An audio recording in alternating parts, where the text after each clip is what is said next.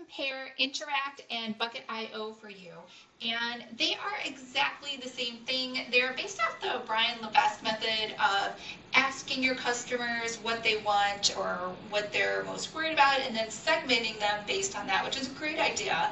And Bucket.io is going to offer this to you for $1.99 a month.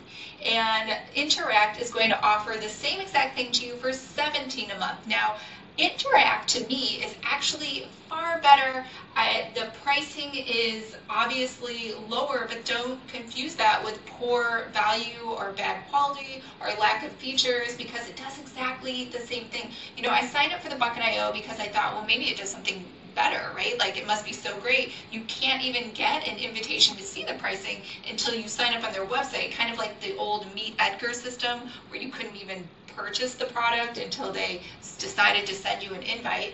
Uh, and actually, I hated Bucket.io because it didn't have any of the surveys or templates in there like Interact did. So Interact has a ton of great questions and surveys and images to help get you started. Bucket expects you to build everything from scratch. Now, the only difference maybe is in the visuals. Bucket.io puts a full page picture in your background, uh, which quite honestly, I don't know if I really like that anyway. And Interact does not. But they do exactly the same thing. I love the customer service from Interact. I thought they were far better.